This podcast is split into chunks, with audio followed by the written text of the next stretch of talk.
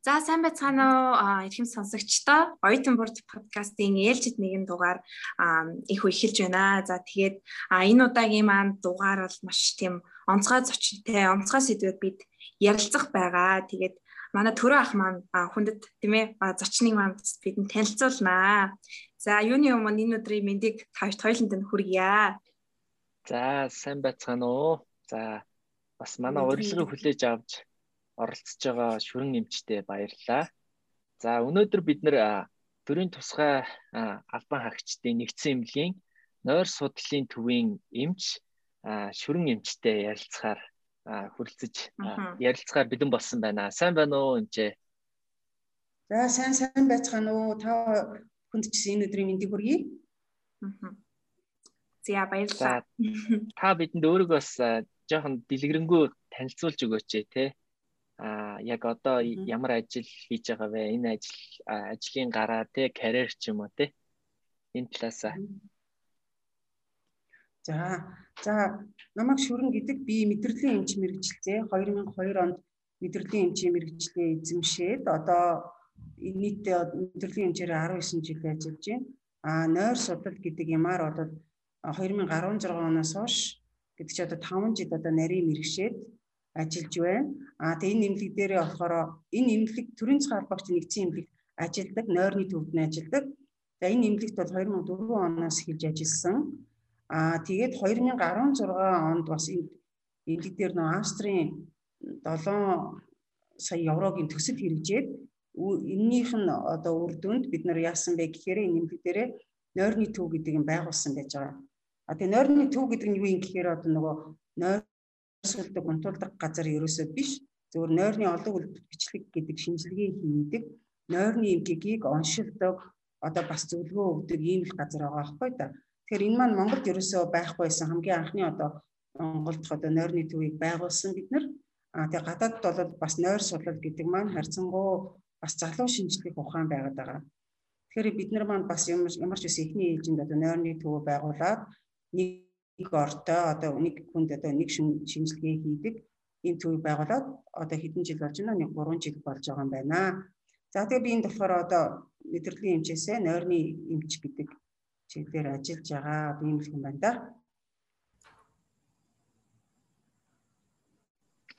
За тэгэхээр э, залуучуудад бас яг энэ нойр одоо нойр судлал гэдэг энэ зүйл чинь бас одоо бүр юм шинжлэх ухааны үндэслэлтэйгээр одоо хөгжөөд явж байгаа. Тэгээ энэ тал дээр энэ удаагийн зочноо бид нэр уурж оролцуулаад а ер нь яг энэ нойр гэж юу юм те. За тэгээд хэвийн хүн а ер нь хитэн цаг нойр авал яг ингээд яг амьдралын тэр нэг цикл нь хэвийн үргэлжлэхийн ч гэдэм үү яг энэ тал дээр яг мэрэгжлийн хүнээс одоо энэ удаада бид нар ярилцлага авахар болсон байна. Тэгэхээр яг энэ ярилцлагыг үзэж байгаа залуучууд та нар бас яг хэрв энэ ярилцлагыг таалагдж байгаа бол найзуудаас хуваалцаж бидний подкастыг дэмжээрэй гэж хүсэж байна. За тэгээ ярилцлага шүрэн хэмжээс маш ерөнхий асуултаар бас эхлэе гэж бодож байна. Ер нь эмчээ одоо ингээд хүн бол одоо ингээд би ойлгохдоо ерөнхийдөө хүмүүс тэгж ойлгодог гэж бас магадгүй маа нөгөө ядрахаараа унтдаг штэ бид нар ч одоо ингээд нэг юм амар одоо физикл талдаа айгүй ингээд ядрахаараа л унтаад байдэн штэ тий тэр болтлоо ингээл унтахгүй ингээл байгаад байдаг. Тэгэхээр ер нь нойр гэж яг юу юм хаанаас яг үүсдэг те яг ямар процесс болоод хүн ингээд нөө унтаад байгаа юм бэ? Та энийг бас нэг бидэрт тайлбарлаж өгөөч ээ. За за зүйтэй. За ер нь бол гэхдээ нөө ядархаараа унтдаг гэдэг нь бол бас зүйл дөө. Нойр гэдэг бол ерөөсөө ямар үүрэгтэй юм бэ гэхээр хүний бие организмын одоо ядарсан тэр бие организм ядарна гэдэг нь хүн чинь одоо өөрт байгаа энерги зарцуулаад дуусчихсан тийм ээ өдрийн одоо 16 цагийн турш одоо сэрүүн байгаад одоо болцсон. А тэгээ 8 цаг унтах одоо хүсэл шаардлагыг үүсгэж байгаа энэ зүйлийг бол нойр гэж нэрлэж байгаа байхгүй юу? Тэгээ өөрөлдөх юм бол хүн ядархаараа унтж байгаа нь яг зөв. А тэгээ харин нойронд юу болдог вэ гэхээр тэр одоо ядарсан, зарцуулсан энерги тийм ээ бүх байхгүй болсон зүйлүүдийг одоо нөхөн сэргээдэг, нөөцөлдөг, одоо хүнийг одоо засварладаг, мейнтейн хийнэ гэж ярьдаг тийм ээ машин засварладаг шиг одоо хүнийг бүтэн шөнийн 8 цагийн зурш засварлаад маргааш өдөрт нь бэлтэг хүний одоо зайлшгүй байх ёстой физиологийн хэрэгцээ. За нойрыг бол айгүй олон янзаар тодорхойлсон байдаг л да. Зарим нь болохоор одоо 24 цаг болоо дахин дахин давтагддаг тийм ээ. Физиологийн хэрэгцээг ин. Зарим нь болохоор одоо унтчих үед хүн бол гадны цочролд ямар ч хариу урвал үзүүлэхгүйгээр хүн бол хагас коми байдалд орсон энэ нөхцөл байдал гэж нэрлэдэг. Эдгээр бол бүгдээрээ л одоо нойрыг тодорхойлж аваад нэг тодорхойлт одоо яг ганц зүгээр ер нь дүгнээд хэлэх юм бол нойр гэдэг бол хүний одоо ус шиг одоо хоол хүн шиг одоо зайлшгүй хэрэгцээтэй физиологийн нэгэн л одоо зайлшгүй хэрэгцээтэй процесс гэж одоо хэлж болох юм да. Тэгэхээр найр гэдэг одоо яг энэ зүйлийг ингээд тасаа хэлсэн шүү дээ яг ус шиг тийм ээ хүнд аягүй хэрэгтэй зүйл байдгаа гэдэг. Тэгэхээр одоо манай Монгол улсын хэмжээнд а одоо та ингээд амар судалгаа энэ талаар судалгаа хийж байгаа чинь сайн мэдэх байх л та. Одоо хүн амын хэдэн хувийн ч гэдэм үү те ер нь ойролцоогоор энэ нойрны дутагдал одоо ер нь нойроо бүдэн авч чаддаггүй вэ. Тэг ер нь энэ дунд энэ дундаа одоо энэ залуучуудын одоо энэ залуучууд хэр байр суурийг нийцэлдэг вэ? Залуучууд ер нь хэр нойрны дутагдaltaй явд юм болоо энэ талаар бас гоё а та мэдээл байгаа лу. Нэмээд асууч яг залуучууд гэдэг нь ер нь яг энэ 25 хүртэлх насны залуучууд ер нь хоногт яг хэдэн цагийн нойр яг авах ёстой байт юм бэ те? Аа. За за за. За тэгэхээр тий ер нь бол маш тулгымцсан асуудал байна л да. За ер нь бол яг нойр маань би түрүүн хэлсэн те айгу залуу нойр судлал гэдэг маань айгу залуу шинжилгээ ухаан байгаа да. Дэлхийд дахинд аа тэгээд гадны орнуудад бол нойрны талаар, нойрны дутагдлын талаар ч юм уу, нойр гүдлийн талаар, нойрон тохиолдог эмгэгүүдийн талаар хийгдсэн судалгаа зөндөө байгаа. Аа гэвч Монголд маань энэ маань бүр илүү одоо нөгөө судлагдах байдал нь илүү их одоо дутмаг байгаа судлагдж байгаа байдал нь одоо өөрөлдөх юм бол дөнгөжл одоо сая 2 3 жилийн өмнө анхны одоо нойрны төв те албан ёсны одоо нөө нотлохонд суурилсан шинжлэх ухаан бүхий нойрны төв одоо байгуулагдлаа штэ. А бид нар чадлынхын хэрээр одоо манай нойрны төвд ирж байгаа амбулатороор ирж байгаа ирж шинжилгээ хийж байгаа хүмүүстэй одоо датануудаа цуглуулад чадлынхын хэрээр бол судалгаа хийж байгаа. А гэхдээ бол яг нойрны дутагдал нойргуудын талаар одоо хийгдсэн судалгаа бол айгу хомс хоон. Тэгээ яг тэр тал руу бол би бол илүү их судлаагүй. Одоо миний яг судалж байгаа одоо судалгааны топик гэдэг маань бол нөгөө нойрон дамсгал тасалдах эмгэг гэдэг тал дээр илүү их судалгаа явуулж байгаа байхгүй юу. Тэгэхээр ерөнхийдөө тэндээс яг хоо манай одоо нойрны төвд 2018 оны 11 сараас өнгөрсөн оны 12 сар хүртэл нийтдээ 230 50-аад гаруй хүн үйлчлүүлжээ. Аа тэгээд тэрнээс бол яг нойргүйдэл гэдэг юугаар бол одоо нийтдээ нэг 10 хэдэн хувь нь одоо нойргүйдэлтэй айгүй их хувь нь бол нойрон дамжгалт тасалдах юм. Гэхдээ бараг 70% нь. За бусд нь бол бусад нойрны эмгэгүүд жишээлх юм бол нойронд хөл үжлэн хөдлөх эмгэг гэж байдаг. Одоо нойрны дагуул эмгэг буюу парасомни гэж байдаг. Одоо та нарт бол айгүй сонис анхудаа сонсож байгаа юмуд байгаа даа. Ийм эмгэгүүд бол эзэлж байгаа. Тэрнээс биш яг нойрны дутагдал гэдэгт бол нойр гүйдэл гэдэг юм л орох байх л та. Ер нь бол олон улсад хийгдсэн судалгаагаар бол 2015 онд хийгдсэн судалгаагаар бол хүн амын 30-аас 35% нь бол нойр гүйдэлд өртсөн байт юм байна гэсэн ийм нэг судалгаа өгдгийг. Аа тэгээд залуу хүмүүсийн дунд одоо нойр гүйдлийн нойрны асуудал бол нойр гүйдэл биш юм л да. Нойрны хямрал гэдэг юм л одоо залуучуудын дунд одоо айгүй их байдаг. Өөрөлдөх юм бол нойрны хямрал гэхээр залуучуудын дунд их бичлэн нөгөө өдөр шөнийн хэмнэл алдагдах юм гэж айгүй их байдаг байхгүй юу? Одоо circadian rhythm disorders буюу одоо бүр тийм өвчин энэ маань. А гэтэл залуучууд маань болохоор одоо нэг өглөө 11 12 цаг хүртэл унтчаал а нь болохоор 2 3 цаг хүртэл унтахгүй байгаагаа зүгээр л одоо хэвийн үзэгдлээ гэж үздэг. Эсвэл зарим нь өөрсдөө одоо би ингээ шар шуу учраас орой их итгэвтэй байдаг ч гэдэг юм уу те. Ийм байдлаар ханддаг боловч энэ маань одоо тэр яг олон улсын ангиллаараа нойрны эмгэг гэж одоо явдаг байхгүй. Тэгэхээр залуучуудын дунд хамгийн их тохиолдож байгаа эмгэг бол ерөөсөө энэ эмгэг циркадиан ритм буюу өдөр шөнийн хэмнэл алдагдах эмгэг гэдэг ийм эмгэг байд юм аа. А тэгэхээр 25 хүртэлх наснд бол ерөөсөө энэ эмгийг л ерөөсөө давмгайлдаг. Ялангуяа бүр нөгөө нэг нойр хойшлогдох хам шинж гэж одоо бас тэр дотроо нойр хойшлогдох хам шинж гэдгийг бараг 70 80% залуучуудын дунд тохиолддог ийм эмгэг байж байгаа. Аа.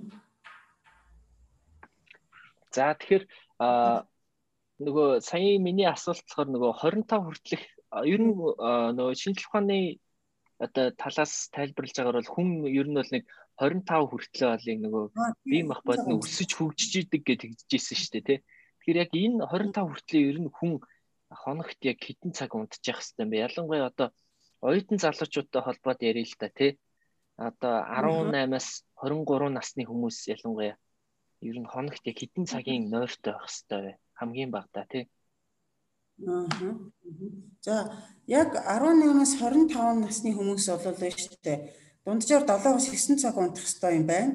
А дээдлэлтэй бол 10-аас 11 цаг, хамгийн багадаа бол 8 цаг л унтах хэрэгтэй юм байна. Хамгийн багадаа. Ер нь бол нөгөө хүний унтах цаг маань нялх хүүхдээс ахуулаад хөвшин настай хүмүүс хүртэл одоо өөрчлөгдөж нэ хуурч идэг. Нялх хүүхд ч одоо өдөрт одоо баг 18 20 цаг унтдаг бол настай хүмүүсний 5-6 цаг л унтахад одоо хангалттай байдаг. Энэ бол физиолог тийм. А гэтэл 18-аас 25 насны хүмүүс маань ер нь 9 цаг унтах ёстой. 9 цаг. Хамгийн бада 8 цаг унтна гэдэг дээ. 7 цаг унтах бол бас бага байхгүй юу?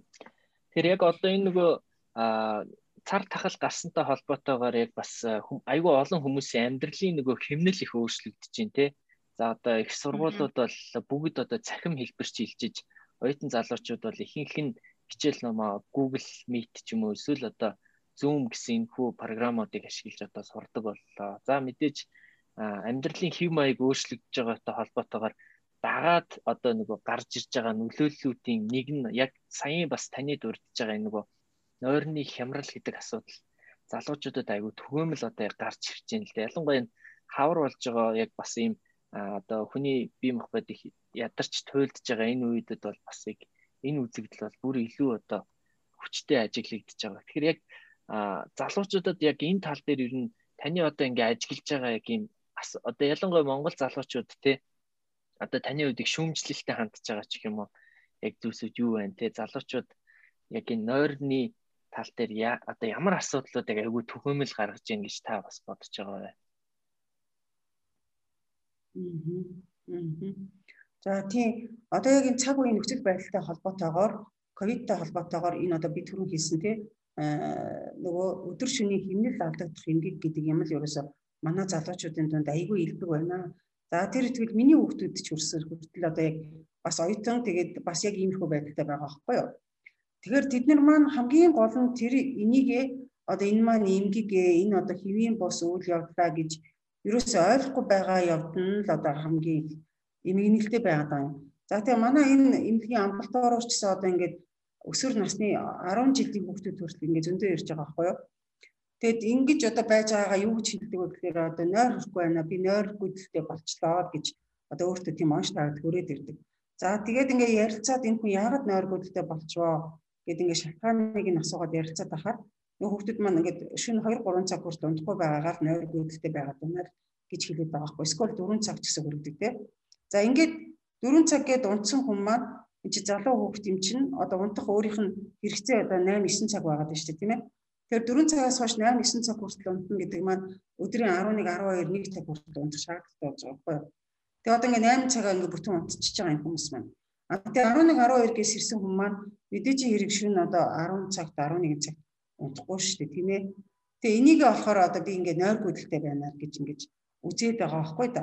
Тэгэхээр яг харьцангуй нойр судлал гэдэг маань Монгол залуу шинжлэх ухаан учраас яг манай ард иргэдийн дунд манай залуучуудын дунд ерөөсөө мэдгүй ойлгож ерөөсөө огт байхгүй байгаа зүйл маань нойрны эрүүл ахуй гэдэг юм ерөөсөө ойлгохгүй. Бүр тийм ойлголт байхгүй. Одоо нойр гэдэг чинь айгүй чухал зүйл учраас тэр нойрны төлөө бид нэр аягүй санаа зовоод тэр нойронд зориулж одоо айгүй олон зүйлийг бэлтгэх ёстой болж таарч байгаа байхгүй юу. Тэр тэр зүйлийг ерөөсөө огт ойлгохгүй байгаа нь одоо айгүй хамгийн том асуудал болоод байгаа маа. Тэгэхээр за яг одоо бүтэн 8 9 цагаа унтчихж байгаа юм чинь одоо хэд шин унтаад өглөө сунж унтах чи одоо ямар ч асуудал биш штэ гэдэг талаас одоо хандж байгаа байхгүй. Гэтэл энэ маань одоо өөрөө ингээ бүр өвчин буюу олон улсын ингээд англиад бүр өвчин юм аа энэ чинь өвчин юм аа гэдэг ингээ орсон байгаа байхгүй. Тэгээ яагаад өвчин байгаад байгаа юм бэ гэхээр нөх хүний бие организм гэдэг чинь одоо анханасаа дээрсээ бурхнаас заягдсан байгальтайгаа зохицолдсон байдаг багхгүй юу? Одоо байгальд одоо нар гарлаа, нар гарахад хүн одоо сэрнэ. Өөрөлдөх юм бол одоо хүний нарны гэрэл нь одоо хүний нүд рүү тусснараа нүдний торлог бүх өвчнөд байдаг нэгэн бөөм яадаг гэхээр одоо хүний өмчин тархинд байдаг нойрсуудыг дааврын ялгарлтыг зогсоодог байхгүй юу? Нарны гэрлийн тусламжтайгаар. Тэгэхээр нойрсуудыг даавар ялгархаа барьна. За нарны гэрлийн тусламжтайгаар хүн өдөржингөө одоо ингээд идэвхтэй ажиллана. Энэ үед яадаг вэ гэхээр хүний нөгөө хүний нойрыг одоо ер нь яг хэвийн ажилладаг хүний шингэний зохицуулга а тэ өдөр шөнийн хэмнэлийн зохицуулга гэдэг юм хоёр одоо физиологийн үйл явцаар хүн бол сэрүүн байдаг эсвэл унтдаг байхгүй. Тэгэхээр өдрийн турш ингээд сэрүүн байж агаад за оройн 9 цагаас эхлээд нөгөө нойрсуудыг даавар ялгарч ихэн ихэн 9 цаг гэхэд нарны гэрэл байхгүй болно. Ингээд хүн 9-өөс одоо 11 цагийн хооронд унтах ёстой. За ингээд энэ унтчих ингээд бүтэн шөнийн 8 цагийн туршид юу болдог вэ гэхээр хүний бие организм одоо маш амин чухал одоо хэрэгцээтэй бодисын солилцоо тийм ээ. Одоо тэр тархинд нь одоо эдис энерги одоо хөрөнгөлөх энэ үйл ажиллагаанууд явагддаг. Аа тэр битгий энэ үйл процессыг нь яадаг вэ гэхээр тодорхой цагийн хэмнэлтэйгээр одоо шөнийн одоо чихэн бол яг 4 цаг гэхэд хүний температур одоо хамгийн бага хэмжээнд хүрдэг байхад а үдээс хойш тэр 17 цагийн үед одоо хүний температур хамгийн их хэмжээнд хүрдэг ч юм уу те Өглөөний 6 цагт хүний даралт хамгийн их ихсдэг байхад орой 9 цагт даралт нь одоо хамгийн их буурдаг ч юм уу те. Яг энэ тодорхой цаг хэмнэлээр одоо энэ хүний одоо бие организмын үйл ажиллагаа тийм ээ температурын зохицуулалт, даралтын зохицуулалт, хооллох, хүсэл, баах шиг тэр ч битгийл одоо хүний нөгөө бэлгийн үйл ажиллагаа одоо хэдэн цагт идэвчдэг, хэдэн цагт буурдаг, өдөөөр тогтсон цаг хугацаатай байдаг байхгүй юу? Тэгэхээр хүн нөгөө яг тэр тогтсон цагтаа унтаж тогтсон цагтаа сэрүүн байхгүй болохоор энэ процессууд чинь тэр хүнийг дагаж явахгүй ээ. Зөвхөн тэр цагтаа л явагдана. Тэр одоо биологийн хэрэгцээтэй үйл ажиллагаанууд тийм ээ. Жишээлх юм бол одоо шөнийн яг одоо өглөө үүрээр 4-6 цагийн үед одоо хүний тэр нүдний хурдан хөдөлгөөнд нойр гэдэг юм одоо айгу урт үргэлжилдэг багхгүй юу. Тэгэхээр энэ нойронд юу болдог вэ гэхээр хүний хамгийн чухал хэрэгцээтэй үйл ажиллагаа одоо боцин солилцоо явагдчихэдэг. Тэр тэр хүнд хэрэгцээтэй хамаг энерги, сахар, амин хүчтэй те маргааш өдөр ирж хүчтэй байх, ухаалаг байх имийг маш сайн ойлгоход одоо бэлтгэж байгаа энэ үе байхгүй юу. Гэтэл энэ үедээ залуучууд маань унтахгүй сэрүүн байгаад ахаар энэ зүйл дахиж тэр хүн одоо өдөржингөө унтсан ч гэсэн тэр хүнд дахиж тэр одоо үйл процесс давтагдахгүй л гэсэн. Тэгээд ингээд ийм байдалтайгаар удаан ингээд залуучууд маань яваад ахаар яг гэрээ ингээд эргэтэн системийн өвчлөлттэй болох нь байна. Ямиг ойлгох чадваргүй болох нь байна. Өдрийн турш одоо тэр залхуу хойрог ч юм уу тэр залуу хүний ирч хүч гэдэг юм нь ерөөсөө байхгүй болчихж байгаа байхгүй юу. Ингээд ирэхээр энэ хүнд одоо өвчлөл үүсэж байгаа гэсэн. Хамгийн хор уршигтай зүйл нь энэ учраас энийгээ ерөөсөө нэг ойлгодгүй аргагүй одоо ойлгохгүй байх нь аргагүй. Энийг ойлгох одоо тийм шинжлэх ухааны одоо энэ үндэслэл маань манай улсад одоогоор ингээд нэг айгүй сайн тогтнож суурьшаагүй байгаа учраас энэ зүйлийг нойрны эрүүл гэдэг одоо залуучууд бүр бага наснаас нь эхлээд одоо бүр хөвшүүлэх нь айгүй чухал байгаа юм да. Тэр үтгээл одоо ер нь нойр хэвийн байх гэдэг юм маань бүр хүүхэд ахуй наснаас нь бүр нялхуйс нь эхэлдэг байхгүй? А бүр хүүхэд ахуй наснаас эхлээд эцэг хийгээд дагаад одоо оройтод шүүн унтдаг. Тэгээд сунаж өдөржингөө унтдаг ийм болсон хүүхдүүд маань бүр бүхэл амьдралынхын туршид тийм нойрны хэмнэлтэд амьдардаг гэсэн. Тэгэхээр дөрөсө бүхэл амьдралынхын туршид айгүй залуу гараа одоо ингээд уцын солилцооны өөрчлөлттэй, таргалалттай даралт экситтэй гих мэтчилгээ хамгийн наазах юм тийм ээ. Тэгээд одоо оюун ухааны одоо ингээд сэтгэн бодох чадвар нь мууч гэдэг юм те. Ийм байдалтай одоо болж өсөж хүмүүжиж тийм ээ. Манай монголчууд одоо эрүүл мэндийн асуудал тэр чигээр одоо муудж байгаа гэсэн үг болж байгаа байхгүй юу? Тэгэхээр ерөөсөө энэ бүхний чинь хамгийн гол үндэс суурь нь нойр юм шүү гэдгийг одоо ойлгуулж одоо нойрны эрүүл ах уу гэдэг одоо Монгол улс даяараад одоо сурталчлах хэрэгтэй байна л да ер нь. Ахаа тэгэхээр нойр харин маш чухал гэдгийг бас саяхнаас л ойлгож аваад байгаа л да. Яг нөгөө тий яг ингээд биеэрээ нөгөө жоохон байхдаа л ингээд анзаарагдгүй байсан боловч яг ингээ бас жил ирэх тусам ингээд хэдийгээр залуу байгаа ч гэсэн одоо одооны залуучууд ялангуяа ингээд бас ингээд айгүй амархан ядардаг. Тэгээд ингээд ер нь ингээд жил ирэх тусам нөгөө техник технологи хөгжөөд дэлгэцний хамаарал гэдэг нөгөө нэг одоо хоногийн 24 цаг ихэнх цагийг бид нар нөгөө утсаа ширтэж өнгөрөөж байгаа. Тэгээд яг энээс болоод бас энэ нойргүйдэл гэдэг зүйл ихсэн болов уу гэж би яг хөдөө авдаг хгүй юу. Тэгээд бас таны хувьд бас энэ хэр санал нийлэх вэ? Тэгээд бас нөгөө нэг өдөр бид нар нөгөө англиар болохоор nap гэж ярьдэн штэ нөгөө нэг одоо өдөр нэг дуг хийж авах гэж нэг тийм нэршлээ авдаг. Тэгээд би зүгээр яг уу ингээд энэ бол яг би нөгөө тийм амар бол судалж мэдлаагүй. Гэхдээ зүгээр л дам яриагаар сонсон зүйлээ танаас бас батлан асууж байна. Тэгээд нөгөө өдөр дуг хийж авах чинь зүйтэй штэ. Тэ одоо чамайг ич хүчтэй болгоно зөв байлгана гэд тэгдэг. Тэгээд яг энэ зөв юм бол өдөр ингээд нэг дуг хийж авах нь яг хүний тэр одоо тий одоо бүтээлч байдлыг улам илүү сайжруулдаг, сэргээж эсүүдийг нь сэргээж өгдөг юм болов. Тэгээ ер нь за хэрвээ тийм бол яг хідэн цагт хамгийн одоо тэр тохиромжтой цаг нэгдэг вэ? Одоо өдөр дуг хийх юм. За тий эхний асуултанд нь эхний сэдвийн талаар ярилцъя тий. Ер нь тий яг өнөө одооны залуучууд ер нь айгүй амархан ядрамтгай одоо бидний үг хэлгээр болохоор нейродистони буюу одоо тийм мэдрэл сэлбгийн хамшигчтэй байдаг байхгүй юу. Тэр нь болохоор юу юм гэхээр нөх хөдөлгөөн дутагдaltaй одоо тэрний илэрлэн гэхэд одоо гарын алганы хөлөрдөг, даардаг, байнга одоо гар хурууны үзүр нь хүүтий явдаг ч гэдэг юм те. Тэгээ дээрэс нь ингээд нойрны одоо хэвийн эрүүл ахуйтай биш учраас ийм шинж айгүй их байдаг аа манай залуучуудын дунд. За тэгээд нойр нь ингээд асуудалд ороод байгаа нь дэлгэцийн хамааралтай юу гэвэл үнэхээр дэлгэцийн хамааралтай. За яагаад гэхээр нөгөө дэлгэц засаагаад ингээд хүн шин унтах ёстой цагта дэлэг засаагаад ингээ гэрэл нүдрүүг ингээ тусгаад байхаар түрүүний миний хэлдэг нөгөө гэрлийн тусламжтаар хүн чинь нүдэрээ дамжуулж унтдаг эсвэл сэрүүн байдаг гэдэг аарч тийм ээ. Гэрэл тусах юм бол тэр чинь одоо өглөө болж ин гэж үзээд энэ нойрсолох даавраа ялгаруулахаа болчих жоо аахгүй хүний тарих чинь. Харин гэрэл тусахгүй ингээ нүдэ ханиад унтахгүй байгаад исэн ч гэсэн тарих юу гэж ойлгох уу гэхээр аа за одоо гэрэл байхгүй харанхуй болчлоо. Энэ нүдэ ханиад байгаа учраас одоо би нойрсолох даавраа бол ялгаруулах юм байна ч гэдэг юм уу те ийм байдлыг үүсгдэг учраас дэлгэц бол маш их нөлөөтэй. Тэр үтгийл одоо тэр түрүүний ярьсан энэ sleep phase syndrome буюу нойр хойшлогдох хам шинжтэй өдөр шөнийн хэмнэл алдагдах энэ хам шинж эмгэгүүдийн үед бол ямар эмчилгээ хийдэг вэ гэхээр хурц гэрлийн эмчилгээ гэж бүр тийм эмчилгээ хийдэг байхгүй юу. Тэгэхээр юу гэсэн үг гэхээр нөгөө өглөө ингээд унтаад л байдаг унтаад л одоо нойр нь хойшлогдчих тийм үү. Тэгэхээр тэр хүний өглөө эрт сэрээчгээр нөгөөх маань нойрмогл нь штэ. Тэгэхээр нөгөө хурц гэрэл тусааж одоо тэрнийг одоо нойрмоглох нойрсолох дааврыг ялгаруултын багасгахын тулд бүр хурц гэрлээр эмчилдэг. Одоо тийм бүр арга байна. Тэгэхээр нөгөө хүмүүс маань автоматар залуучууд яагаад байгаа гэхээр залуучууд ч битгээл одоо манай настай хүмүүс ч гэсэн ирээд үзүүлж байгаа хүмүүс нойр хүрхгүй болохоор нь ингээл утас шаагаад байна л гэж яриад байдаг. Гэтэл үндэ өөрийгөө би сэрүүн байгаад байна, сэрмээр байна гэдэг тохиолдлыг л өгөөд идэг гэсэн үг байхгүй.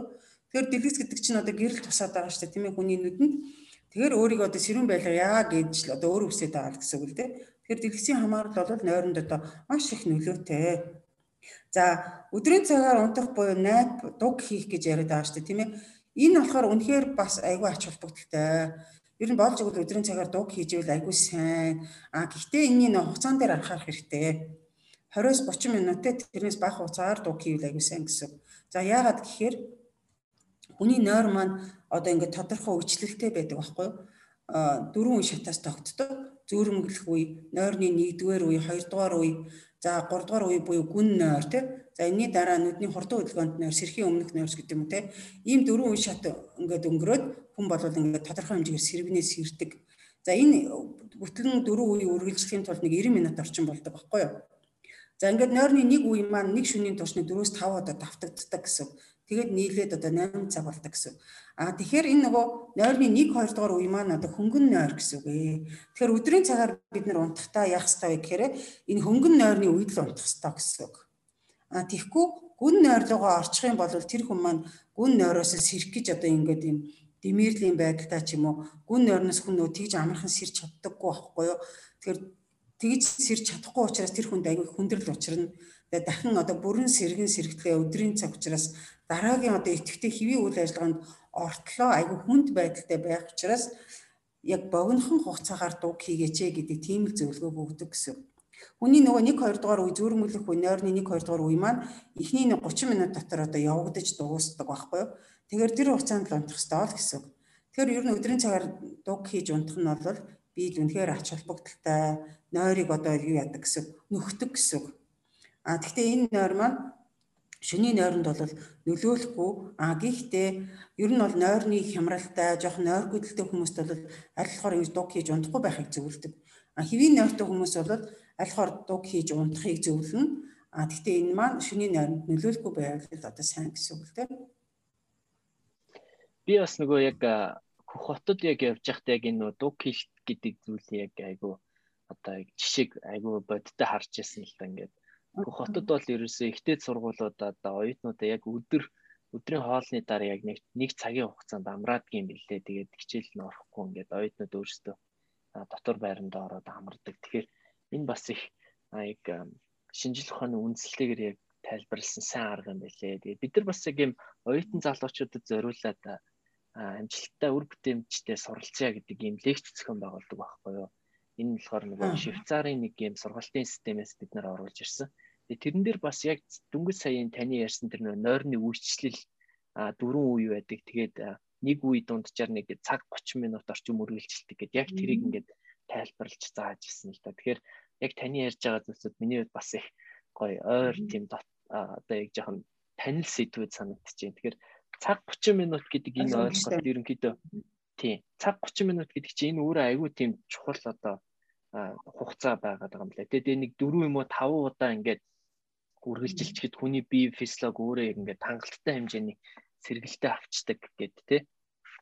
Тэгэхээр магадгүй бас яг ингээд нэг юм гүн нойрондоо авцаа одоо яг дунджаар одоо нэг юм а за нөгөө үйлчлэрээ бодох юм бол нэг яг нэг цаг орчин болцсон байгаад чи хүн яг нэг гүн нойрон дундаа явж штэ тэ тэр хавцаанаа ер нь явж явах бол тэр үед нь ч гэсэн хүнийг ер нь болжгүй нэг айхтар ингээд зочоож ч юм уу те эсвэл одоо ингээд сандаргаад сэрэж мэрэж хүртэл бас болохгүй гэж үздэг юм билээ шүү дээ тийм тийм яг үн тийм тэгээд түрүүний хийснээр нөө тэр гүн нойр бол гүн нойр болон нөө рэм нойр гэдэг нэгдүгээр үдгэнтнэр тэр үдс нөө хүний би хэлсэн шүү дээ те. Би организмд нөө хамгийн хэрэгтэй чухал нөгөө физиологийн үйл ажиллагаа явагдаж идэг байхгүй юу? Тэгэхээр тэр үед нь сэрээхэн бод нэгдүгээр тэр хүн гүн нойрноос сэрэхэд хэцүү байх болно. Буцаад одоо баг хүний яриа ойлгодгоо ч гэдэг юм уу те. А тэгээ дээрэс нь одоо тэр нөгөө явагдаж исэн хамгийн чухал хэрэгцээтэй физиологийн үйл ажиллагааг тасалдуулж байгаа гэсэн үг байхгүй юу. Тэгэхээр одоо бүр амар одоо хортой биш ч гэсэн энэ чинь зарим хүмүүс болохоор тэр зүрх судасны системд одоо ноцтой өөрчлөлт хүртэл оролцдог тийм тал байв.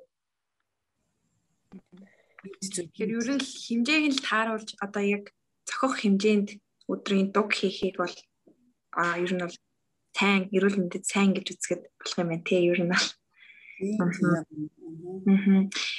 а за тэгвэл одоо ингээд нөгөө одоо өдөр ингээд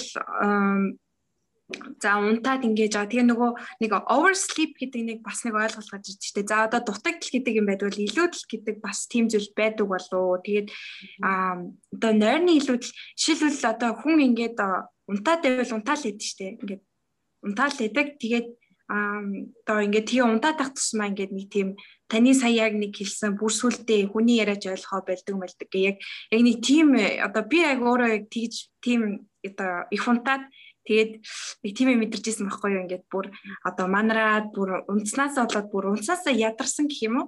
Тэгээд энэ тухай бас яг миний бие дотор юу болж исэн бэ тэр үед бас та энэ талаар бас яг тайлбарлаж өгч бас болох уу. Аа. Тий oversleep буюу нөгөө нэг бас манай одоо хэлгээр болохоор нэг хиперсомния буюу хит их унтах А тэгээ энэ бүр удамшлын гаралтай байх юм бол нарколепси өдрийн цагаар хит их excessive daytime sleepiness эднэрч гэж нэрлэдэг л дээ. Энэ бас л одоо нойрны нэг эмгэг гэсэн үг.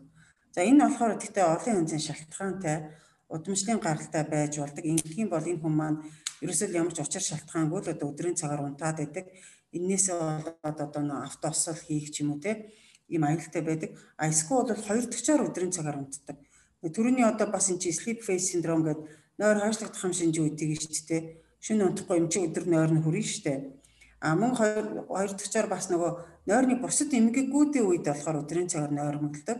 Жишээлбэл бол одоо шүнжэнгөө нөгөө нойронд нь амьсгалан тасалдаад ч юм уу хөлн үжилж хөлөөд ингээ нойрны эмгэгтэй тий тодорхой хэмжээгээр ингээ унтаад байгаа юм шиг мөртлөөсөө хөнгөн нойроор унтаад чанаргүй унтсан хүмүүс маань өдрийн цагаар байнга нойр мөдөлдөг байхгүй юу? Тэгэхээр энэ нойрмоглох гэдэг юм oversleep гэдэг нэр томьёо бол байна. А гэхдээ энэ шалтгааныг нь олох нь айгүй чухал гэсэн. За зүгээр жирийн үед ч гэсэн хүмүүс энэ нойрны янз бүрийн асуудлууд ер нь хэвийн нормал одоо тийм вариант гэж байдаг байхгүй юу? Тэгэхээр энэ зүгээр ч гэсэн хүн бол өдрийн цагаар их унтна шүү дээ, тэ. Бид нар жишээлх юм бол амралтын өдрүүдээр Би бол ерөөсөө айгу хэвийн айгу хэвийн нойртой хүн л те. Тэгээд ажлын өдрүүдээр бол заавал 8 цагаа унтчихж л ингээд айгу гоё байдаг. Тэрээс нэг жоохон бага унтчих юм бол ингээд өдрийн цагаар ядардаг. А тийм учраас би ингээд юу яадаг. Амралтын өдрүүдээр айгу их унтдаг байхгүй юу? хасаа өдөр унтаад тэгснээ өдөр нь унтаад бүтэнсээ өдөр чсэн өдөр ингээ заавал унтдаг. Тэгэнгүүт яадаг вэ гэхээр нэгд өдөр би ингээ нойр багасчдаг гэсэн. Одоо хэвийн өшөнө 8 цаг унтаж чадахгүй 6 цаг ч юм уу унтдаг. Тэгэхээр одоо хит их унтах нь бол өмнөх өмнөх одоо ядралтай холбоотой ч юм уу те. Эсвэл залуу хүмүүс чинь ер нь их унтдаг штэ. А тэгтээ бүр бүр ингээг болтлоо одоо ингээд энэ үнэхээр болохоо байх нэ гэж үзэж байгаа гэдэг маань нэг юм 2 сараас дээш хугацаагаар тийм байдал үргэлжлэх юм бол энийг бол эмгэг байна гэж үзээд эмчит хандах хэрэгтэй. А тэрнээс бол янз бүрийн одоо амьдралын янз бүрийн тохиолдлууд байна тий. Жишээлбэл бол би бол их нойртой хүн учраас кофе ууж ижил одоо сэргийг байдаг байхгүй юу. Тэгэхгүй бол одоо унтаад байна гэсэн. А гэтэл одоо ингээд нас яваад ирэхээр хүний нөгөө нэг унтах цаг багасдаг учраас хэдэн өдөр ингээд үргэлжлүүлээд их унтчих юм бол дараа нь одоо нойр хүрэхгүй байх жишээтэй тий Тэгээ энэ маань яг ямар хор уршигтай вэ гэхээр би одоо нэг заримдаа их унтаад заримдаа бага унтаад тахаар миний нөө нойрны химнэл алдагдаад хэвийн химнэл алдагдаад сүүлдээ энэ маань нойрны эмгэг болох төлөвтэй гэсэн үг. А чиний хувьд ч юм уу одоо зүгээр залуучуудын хувьд нэг хоёр хоног ч юм уу хаяада одоо их унтах асуудал бол байна. Тийм. Ялангуяа зарим одоо төрлийн хоол хүнсний бодисууд ч гэдэм үү те эмүүд ч гэдэм үү эмийн агуулмжийн дотор одоо их унтуулдаг тийм найрлагтай юмуд байна. Жишээлбэл бол харшлын юм уучгаар их унтаад байдаг чинь ер нь бол нойргуудлын үед одоо эхний игнэний эмчилгээ болж явдаг байхгүй юу? Гих мэдчлэн. А тэгээ нойргүй хүмүүс маань одоо яадаг гэхээр одоо илүү их алмон цаамар идэх ч юм уу, банан идэх, орой хөөрүүлсэн халуунсан уух ч гэдэм үү те. Ингэж одоо нойр сулах дааврын ялгарлтыг бол ихсэгдэг юм арга хэмжээ авдаг. Тэгэхээр бид нар бол тийм зориггүйгээр одоо тиймэрхүү юмнуудыг орой иддэг ч юм уу те. Тэгэхэд бол хэвийн нойртой хүмүүс маань улам их л унтнаа л гэсэн үг байхгүй юу? Энэ маань 2 сар хүртэл үргэлжлэхгүй байх юм бол ийм тохиолдол байна. Хэвийн хүмүүст бол иймэрхүү зүйлүүд ажиглагдана гэсэн үг тийм. Аха. Та тэгээ сая нөгөө нэг нэг юм миний сайн ойлгохгүй хэллээ л да шин амьсгал тасалдах гэх шиг болсон тий. Тэгээд энийг би бас яг сайн таасгүй дэлгэрэнгүй тайлбарж өгөл айгүй сонирхолтой сонсож байгаа. Яг шин унтахад амьсгал тасалтна гэдэг нь яг юу гэсэн үг вэ?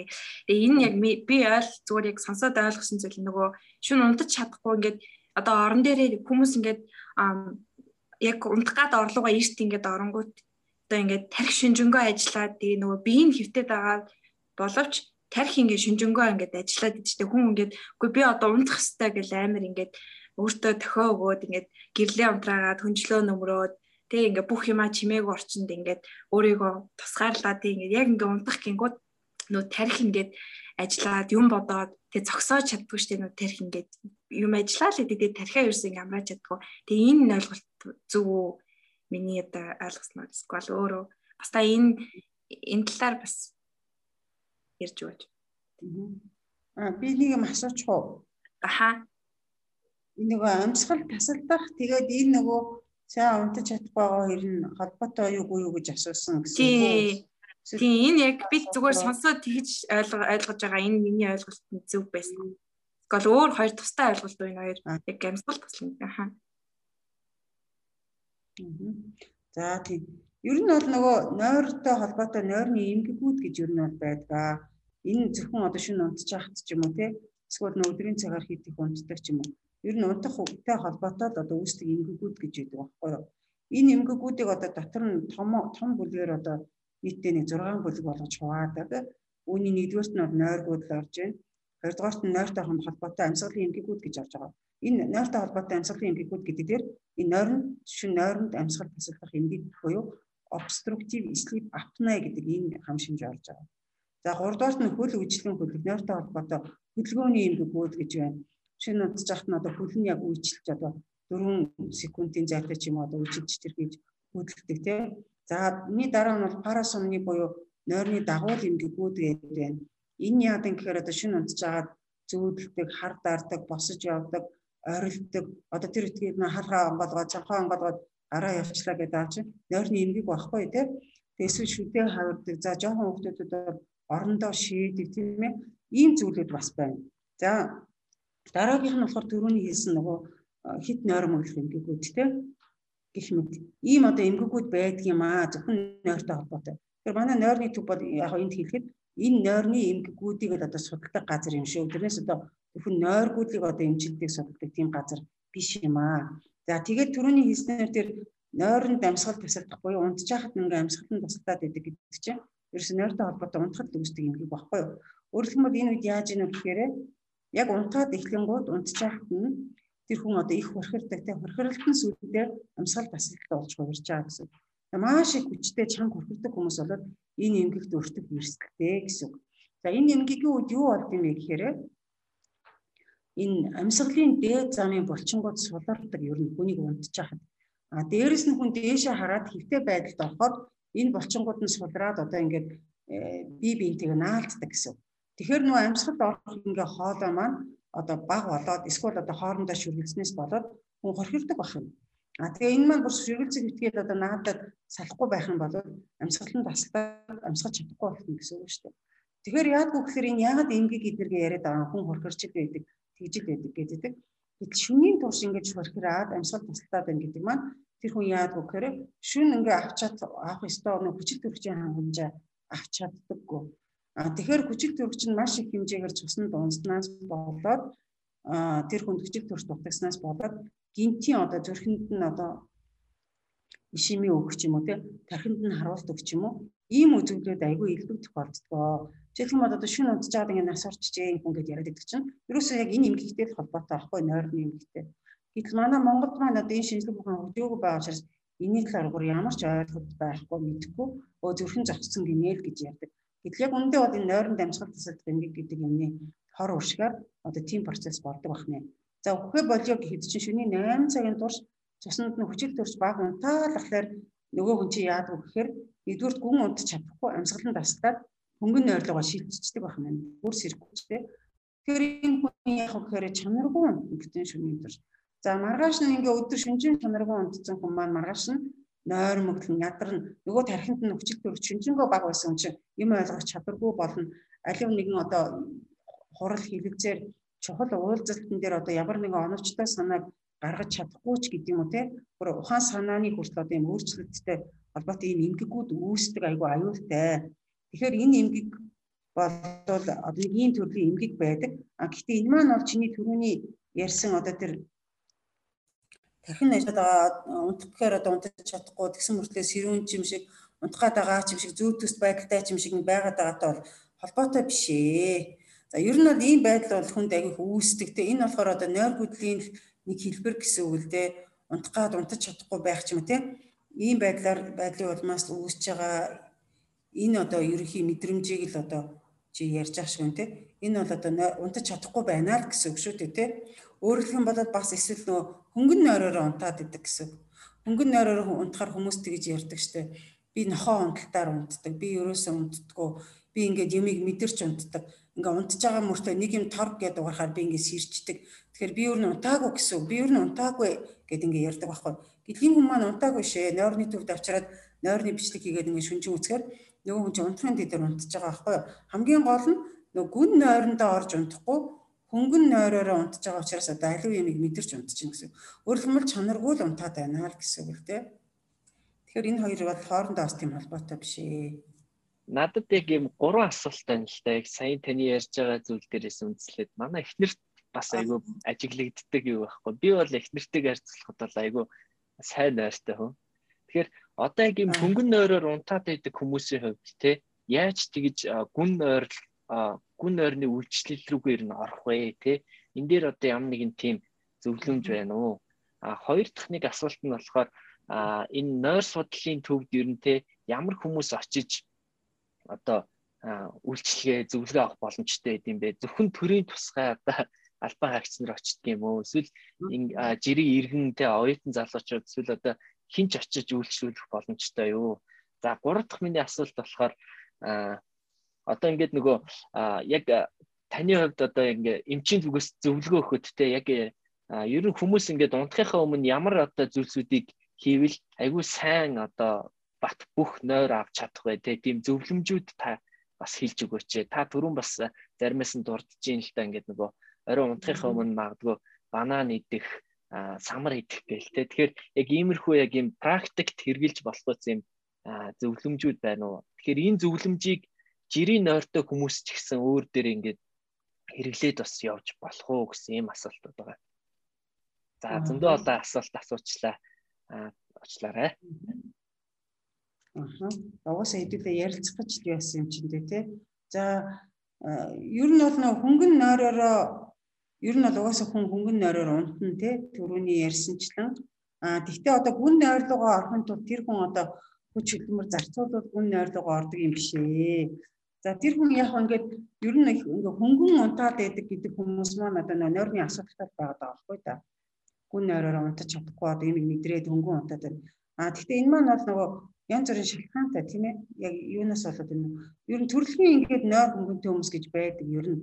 Одоо ингээд судалгаагаар бид нэр одоо 2 3 жилийн турш амбалтаараа ирж үйлчлүүлж байгаа хүмүүсийг үзэхэд нойргүй би одоо нойр унтаж чадахгүй ингээд нойрны асуудал ярьж байгаа хүмүүс маань ихэнх нь одоо хүүхэд байхасаа залуугаасаа эсвэл аав ээж нь ерөөсөө л юм хөнгөн нойртой хүмүүс байсан л гэж ярьдаг. Тэгэхээр одоо удамшлын гаралтай юм одоо хөнгөн нойртой хүмүүс ер нь бол байдгаа байдаг. А нөгөө төгөр бол янз бүрийн шалтгаантайгаар нойргууддаг тийм ээ. А тэгээд шалтгаан арилгахад энэ нойргуудл маань бол арилгах ёстой, бас арилгах ёстой. Ер нь ямар ч хүнтэй зүгээр жирийн унтдаг хүн гэсэн амьдралынхаа насан туршид ямар нэгэн байдлаар л одоо нэг юм хоёр шинэ одоо унтахгүй байдаг ийм явдал зүгээр хэвий байдаг. Хамгийн гол нь тэр шалтгаан арьсны дараа ер нь бол ямар ч шалтгааны улмаас одоо хамгийн ихэнд идэрдэг шинж болоод ерөөсөө өвчин зовлон, уйг, унаг, гашуу зовлон одоо сэтгэл зовнил те энэ бүхний анхны илрэл бол ерөөсөө нойроод идэрдэг баггүй юу. За тэгээ энийг бол энэ болохоор 1 2 сарын дотор ингээ арилж явах юм бол энэ маань одоо хэвийн энэ өсөр хүм маань бол хэвийн байна гэсэн. Харин тийхгүйгээр ерөнхийдөө ингээд хөнгөн унтаад байгаа хүмүүс маань бол асуудал байгаа учраас энэ хүн бол нөгөө нойр судлаач эмчтэр очиж одоо ярилцах ёстой. Одоо ховчлон ярилцж иж те энэ хүнд эсвэл шатгаан байгаа уу? Эсвэл төрөлхийн юм уу? Эсвэл одоо ингээд нөх хүүхдтэй хүмүүс чи угаасаа л одоо ингээд нөгөө эхний 3 жилдээ угаасаа л нойр мотой байдаг штэ. Тэгээ удаан ингээ 2 сараас дээш хугацаатаагаар ингээд нойр ямар нэгэн шалтгааны улмаас нойр мотой яваад ах юм бол тэр маань бол ахих шиг шинжтэй байдаг байхгүй юу? Тэгэхээр танай эхнэрийн хувьд одоо ямар шалтгаан байгааг одоо би мэдэхгүй. А гэхдээ ямар ч байсан одоо ингээд жоохон хөнгөн нойророо л унтаад ер нь сэргийг унтаад байдсан байл гэж би ойлгож байна. А тэгээд яг одоогийн хувьд бол гүн нойрлогоо унтахын тулд танай эхнэр ингэх ёстой гэж би бол хэлж чадахгүй. А тийм учраас нөгөө ер нь бол нойр судлаач эмчтэй ирээд ярилцах ёстой гэсэн. Тэр ингээ нойрны асуудыг илрүүлдэг ингээ бүр тусгай янз бүрийн асуумжууд байдаг байхгүй юу? Түрүүний миний хэлсэн одоо 5 6 бүлэг асуумж нь бүр тусдаа янз бүрийн асуумжтай. Энэ хүн үнэхээр амьсгал тасалт юм уу? Энэ хүн үнэхээр нойргот юм уу? Энэ хүн үнэхээр хөлн ингээ хөлөөд идэм үү гэдгийг одоо илрүүлэх юм тусгай асуумжууд хүртэл байдаг учраас энэ хүнтэй болоод яг ингээд илийн нарийн мэрэгчлийн төвшөнд ярилцж иж ер нь бол гүн нойрлуу нь оруулнаа. Тийм. А гэхдээ ер нь бол хөнгөн нойророо ингээд хөнгөн унтаад идэг гэдэг хүмүүс маань өдрийн цагаар эсвэл их унтаад идэг ч юм уу тийм ээ одоо янз бүрийн асуудал байна. Эсвэл хит их унтаж урт ингээд 8 цагаас илүү ингээд сунж унтаад байдаг хүмүүс чинь илүү их одоо нохоо унтаар унтаад байдаг. Тийм талтай маш олон шалтгаан байгаа учраас энийг бол дараагийн шатанд ярих юм байна гэж би бол хэлэхээр байна. За манай эмнэлгийн нойрны төвд ер нь бол улсын хэмжээнд одоо ганцхан одоо улсын эмнэлгүүдийн хувьд ганцхан байгаа. А хувийн эмнэлэг гэх юм бол одоо хоёр ч газар байгаа. А тэгээд улсын эмнэлгийн хувьд одоо ганцхан байгаа учраас ер нь бол ямар ч хүн үйлчлүүлж болно. Сая 3 сарын 1-ээс эрүүл мэндийн даатгалын системд өөрчлөлт орсон. Тэгээд 13 А маягттай ирж байгаа хэмч гисэн үйлчлүүлж болно. Амбалтаараар эхлээд нойрны эмчтэй уулзаж нойрны асуудлаа ярина. А ингэж ярилцаа цаашдаа энэ хүнд одоо шаардлагатай гэвэл бид нөгөө нойрны олон үйл бичлэг гэдэг тийм шинжилгээ гэдэг багхгүй юу. Өө тэгээд тэр шинжилгээгээр энэ хүний нойр ер нь ямар байгаа, нойронд нь ямар нэгэн асуудал байгаа мó хүм гэдгийг оншилдог гэсэн. За тэгээд цаашдаа эмчилгээний хувьд бол тэгээд тэр шинжилгээнийхээ үр дүн харж агаад хүмүүстээ эмчилгээ зөвлөдгөө гэсэн үг юм бол. За тэгээд энэ манад бол хүүхдүүд жоохон хүүхдүүдээс том хүмүүс бүгд хүнд бол өөрчлөх боломжтой шүү гэж хэлмээр байна. За 3 дугаарт нь А тийм унтахын өмнө яавал сайн одоо ингээд бэлтгэлтэй сайн унтах вэ гэх юм бол ерөөсөө би нөгөө миний одоо өнөөдөр та хоёртой уулзаад залуучуудтай хэлмээр байгаа хамгийн гол санаа бол нөгөө нойрны эрүүл ахуй гэдэг энийг аягүй сайн барьж сураач ээ гэж хэлмээр байгаа аахгүй юу. Тэгээд дойрны эрүүл ахуй гэдэг юм нөгөө нэг хөл бүтэн одоо ингээ бүр шинжлэх ухаан байдаг байхгүй юу. Айгүй одоо чухал зүйл гэсэн. бид нэр хамгийн гол нь нойрны эрүүл ахуй гэдэг юм аа л ойлгохгүй байгаа учраас л одоо нөгөө сайн унтаж чаддгүй гэсэн. Энд хит хитэн одоо нэг 10 төрлийн юм байгаа байхгүй айгүй энгийн. Одоо тогтмол цагт унтаж тогтмол цагт сэрдэг байх хэвээр. За биологийн цагаараа байвал сайн. Өөрөөр хэлбэл хүн чинь 10-аас 11 цагийн үед одоо тэр нойрсолох даавар хамгийн их ялгарч байгаа үед нь унтаад өглөө одоо 6-аас 7 цагт сэрнэ. За насан турсан хүн бол ер нь бол нэг 8 цаг унтах ёстой. За залуучууд маань 8-9 цаг унтуул нь сайн гэсэн үг байхгүй юу? За тэгээ энэ цагт нь л унтаад энэ цагт нь босооч ээ. За тэгээд тэр унтж байгаа орчин нөхцөл аягүй чухал аа. Одоо харанхуй байх ёстой, жоохон сэрүүн байх ёстой. Хасах 18 хэмнэнд одоо яг хүний унтах хамгийн одоо тохиромжтой гэж үздэг байхгүй юу? хамгийн тохиромжтой үе маань одоо 18 градус одоо хүн унтах ёстой гэж үздэг. Тэгээ чимээ шуугаангүй байх хэвээр тэр өрөөнд одоо өөр дэлгэцийн хамааралтай зурагт компьютер ч юм уу тийм ээ гар утас ч юм уу эсвэл ямар нэгэн гэрэл одоо дуу чимээ гаргаад идэг эсвэл цаг нь тог тог гэж дуграад идэг ч юм уу тийм юм юусоо байхгүй. Өөрөлдөн бол орчин аягүй зүг байх хэвээр тэгээ ор дэр нь тухтай байх хэвээр тийм ээ. Хит өндөр дэртэй байх хэвээр хүнчлэн таарсан байх хэвээр ч гэдэг юм уу? Энэ орчныг одоо бас аягүй сайн бүрдүүлсэн байх хэвээр за тэгээ унтахаас 3 цагийн өмнө дасгал хөдөлгөөн одоо хүчтэй дасгал хөдөлгөөн айлхаар хийхгүй байвал зүгээрээ. Тэгэхгүй бол одоо илүү их итгэвччих юм бол тэр хүн чинь одоо унтчих чадахгүй гэсэн үг шүү дээ тийм ээ. За тэгээ кофе уудаг хүмүүс бол 12 цагаас хойш кофе, кофеин одоо уухгүй байвал сайн. Тэгэхгүй одоо кофе ууж уучаад би унтахгүй байна гэх тэгээд идэг тийм ээ.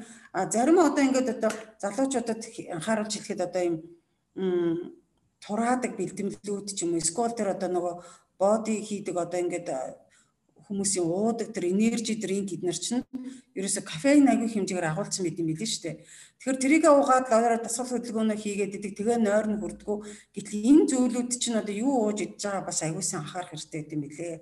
Гих мэдчлэн тийм 12 кофеин дээр нэг юм лавлцахад 12 гэдэг нь өдрийн 12 цагийг та хэлж байгаа шүү дээ тийм. Өдрийн 12 цагийг хэлж байгаа шүү дээ тийм. Тийм. Айлхаар өдрийн 12 цагаас хойш бол кофентэй юм хэрэглэгүй байвал айгүй сайн гэсэн үг тийм. Өөрийгөө унтахад бэлтэж байгаа гэсэн үг шүү дээ тийм. За тэгээд аль болохоор одоо унтахад хэцүү байдаг бол түрүүний хэлсэн тэр унтахыг одоо дэмжиж өгдөг тэр банан, хөрөлсөн сүү аа тэгээд тэр алмонд самар эднэр гэсэн иймэрхүү зүйлүүдийг бас хэрэглүүл айгүй сайн. Гэсэн иймэрхүү л одоо зөвлөгөө байдгийн тэр нойрны эрүүл ахуй гэдэг юм дээр. Тэгээ ер нь бол хэвийн унтдаг байхын тулд ерөөсөө нөх хүнд хамгийн гол одоо яг олон улсад одоо хамгийн үр дүнтэй сайн одоо хэрэглээд байгаа арга бол нөө cognitive behavior therapy буюу танин мэдхүү зан үйлийн эмчилгээ гэдэг имийг ерөөсөө нэгдүгээр номерт хэрэглэж байгаа байхгүй. Имийг биш. А энэ юу юм гэхээр одоо нэрнээс чинь те танин мэдхүү зан үйлийн эмчилгээ гэдэг бол тэр хүний ухамсарт нь одоо нойр гэж юу юм? Өнөөдрийн тулд бид нар ямар нойрны эрүүл ах вэ гэдэг юм сахих ёстой юм нойрондоо хэрхэн яа сэтгэл хангалуун байх ёстой юм. Энэ имчилгээг л одоо энэ зүйлийг л одоо тэр хүнд одоо бүр бага наснаас нь эхлээл таниулчих юм бол энэ маань хүн маань одоо насан туршдаа одоо хэвийн эрүүл унтдаг болно л гэсэн. За гадны орнуудад жишээлх юм бол хүүхдээ ингээд орой 8 цагт унтуулдаг штэ 20 цагт. Тэгээ өглөө 6 цагт босоо 7 цагт босоодаг те. Энд чи гэр бүл ингээд ерөөсөө өөр хүүхдүүдийн төлөө ажиллаад багаас нь ингээд хөвшүүлчихэж байгаа байхгүй. Тэм учраас тэр хүмүүст одоо нойрны асуудал гэж юм одоо аль болох тэр болгон одоо үүсэхгүй байгаад ийм талтай л да. Тийм. За айгүй чухал хэрэгцээтэй яг мэдээлэл байна л да. Ерөөсөө л эхлээд ер нь монголчууд залуу хүн гэлтгүй, оюутан залуучууд ч гэлтгүй баг энэ дугаарыг ер нь бүх монголчууд бол заавал үзээсэй гэж би бас бодож байна л да. Эхлээд нойр гэж юу юм? Тэгээд нойрны эрүүл ах уу гэж юу юм бэ гэдгээ бид нар айгүй сайн ер нь яг ингэж хүн иргэн болгон гэд мэдлэг мэдээлэлтэй болчих юм бол энэ тал дээр бол өөрөөсөө айгүй хичээх боломж өстэй байгаа юм байна гэж би бодож байна. Тэгэхээр манай подкастын өрөө бас өнөөдөр оюутан маргааш удирдахч гэсэн юм өрөөтэй байхгүй. Тэгэхээр ерөөсөө л яг өнөөдрийн бидний амьдралдаа хэрхэн яаж хандж байгаа өнөөдөр бид нар амьдралдаа ямар дадлыг хөвшүүлж байгаа нь маргааш бид нар хэн байх вэ гэдэгт бас яг нөлөөлөх боломжтой гэдгийг бас давхар хэлж байгаа. Тэгэхээр яг энэ нойрондоо бас анхаараарай оюутан залуучуудаа тий мэрэгжлийн хүн та бүхэнд бас яг их чухал маш анхааруулжтай зөвлөгөөг бас та бүхэнд хэлж гин шүү. Тэгээд ер нь нэг дунджаар бол нэг 8-аас 9 цаг унтчихад бол яг ингээд хангалттай хэмжээний одоо эрч хүчтэй амралтыг бол залуучууд авах боломжтой байна гэж бодож байна. Ойлголоо.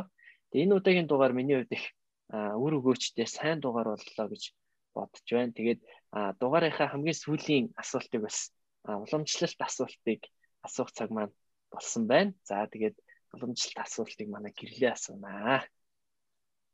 За манай уламжлалт асуулт маань болохоор нэг ийм асуулт байгаа.